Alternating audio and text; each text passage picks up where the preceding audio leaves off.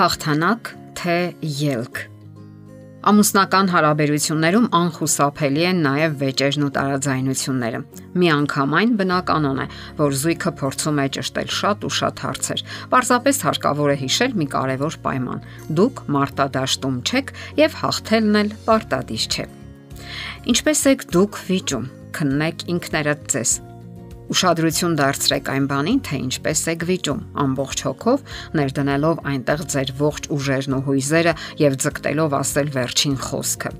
Վերջին խոսքը վեճերում ընդունված է համարել հաղթանակի նշան, եւ շատերի համար վերջում լռելը համարվում է անգամ պարտության ու թուլության նշան։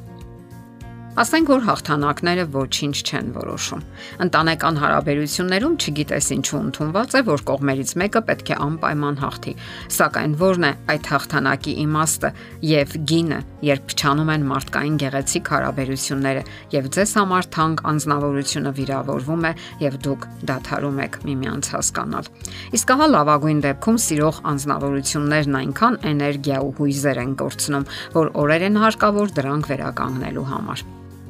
Պետք չէ կորցնել իրականության զգացումը։ Սա շատ կարևոր է վեճերի ժամանակ։ Հիշեք նաև, որ դուք անսխալական չեք, որ դիմացինը նույնպես կարող է ճիշտ լինել։ Վիճաբանությունների հիմքում այն առասպելն է, որ մենք անպայման ճիշտ ենք, որ երբեք հնարավոր չէ փոխել մեր տեսակետը։ Սակայն մեր աշխարհն ու իրականությունը կառուցված է այնպես, որ փոխվում են թե հանգամանքները, թե իրավիճակներն ու դրթապաճառները եւ փոխվում ենք նաև մենք։ Ինչու հաղթել։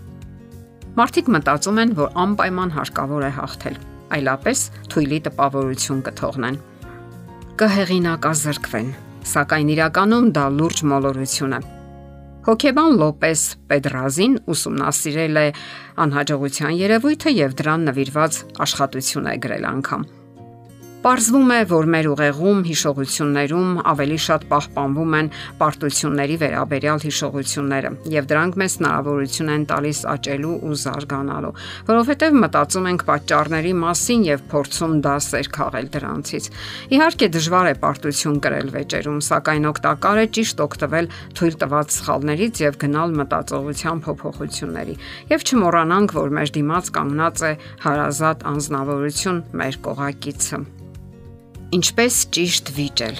թվում է տարօրինակ նախադասություն է կամ միտք, այդպես չէ, սակայն գոյություն ունի ճիշտ վիճելու արվեստ։ Դա այն վեճն է, երբ կողմերը հանգիստ լսում են միմյանց փաստարկները եւ լրջորեն փոխում իրենց դիրքորոշումն ու տեսակետը։ Եվ նման դեպքերում կարևորվում է ոչ թե հաղթանակը, այլ աշխարհայացքի ընդլայնումը, աշխարհի մասին մեր պատկերացումների զարգացումը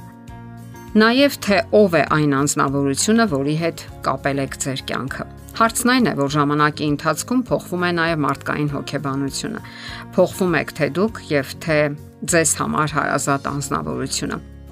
Հակառակ դեպքում մենք մնում ենք հոգեբանական թզուկի մակարդակում։ Իսկ ճիշտ վեճերի դեպքում մարդկային հարաբերությունները նույնպես աճում են ու դառնում դինամիկ, շարժուն, ավելի բարդ, խոր եւ հասուն եւ վերջապես ավելի գեղեցիկ։ Իսկ նման հարաբերություններ իսկապես անհրաժեշտ են ամուսնության մեջ, որովհետև զույգը պետք է փորձի հասկանալ դիմացինի աշխարհն ու տեսակետը, որpիսի ամուսնությունը դառնա համատեղ անհատականացման գործընթաց, որտեղ յուրաքանչյուրն օգնում է մյուսին դառնալու այն, ինչ նա պետք է դառնար իրականում, առավելագույնս բացահայտելով իր ներուժը։ Իսկ ամուսիններն այստեղ օգնում են միմյանց։ Արդյոք կա անվերապահ հաղթանակ Երբ մարդը անհաղթահարելի մոլուցկով ձգտում է միայն հաղթանակի, ուրեմն նա հիմնախնդիր ունի ինքնագնահատականի հետ կապված։ Թվում է, թե այս մարդիկ ունեն բարձր ինքնագնահատական եւ գնահատում են իրենց, սակայն հոգու խորքում նրանք կասկածում են իրենց կարևորությանը եւ մտածում են ապացուցել դա։ Մտածում են, որ սիրվելու համար իրենք պետք է ինչ-որ բան ներկայացնեն արդյունքներ, նվաճումներ, հաջողություններ Մասնագետներն ասում են, որ նման համոզմունքների պատճառը թաքնված է վաղ մանկության մեջ, երբ երեխան կարիք է ունեցել առանց պայմանի սիրո եւ լավ վերաբերմունքի, ինչը սակայն չի ստացել։ Հնարավոր է ծնողներին միշտ չէ որ հաջողվել է ընթառաջ գնալ նրա ցանկություններին եւ ցույց տալ, որ նա ունի դրա իրավունքը։ Արդյունքում երեխայի մեջ չի ձևավորվում ես լավն եմ, դու լավն ես հաստատումը, որը նրան կազատեր անընդհատ ինչ որ բան ապացուցելու անհրաժեշտությունից։ Ելքն այն է, որ չընկնենք անիմաստ հաղթանակների հետևից։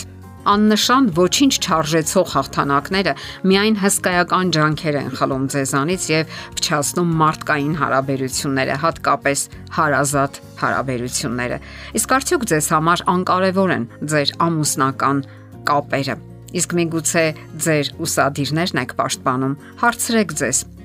Դե ինչ, ամուսնությունը կարևոր երևույթ է մարդու կյանքում։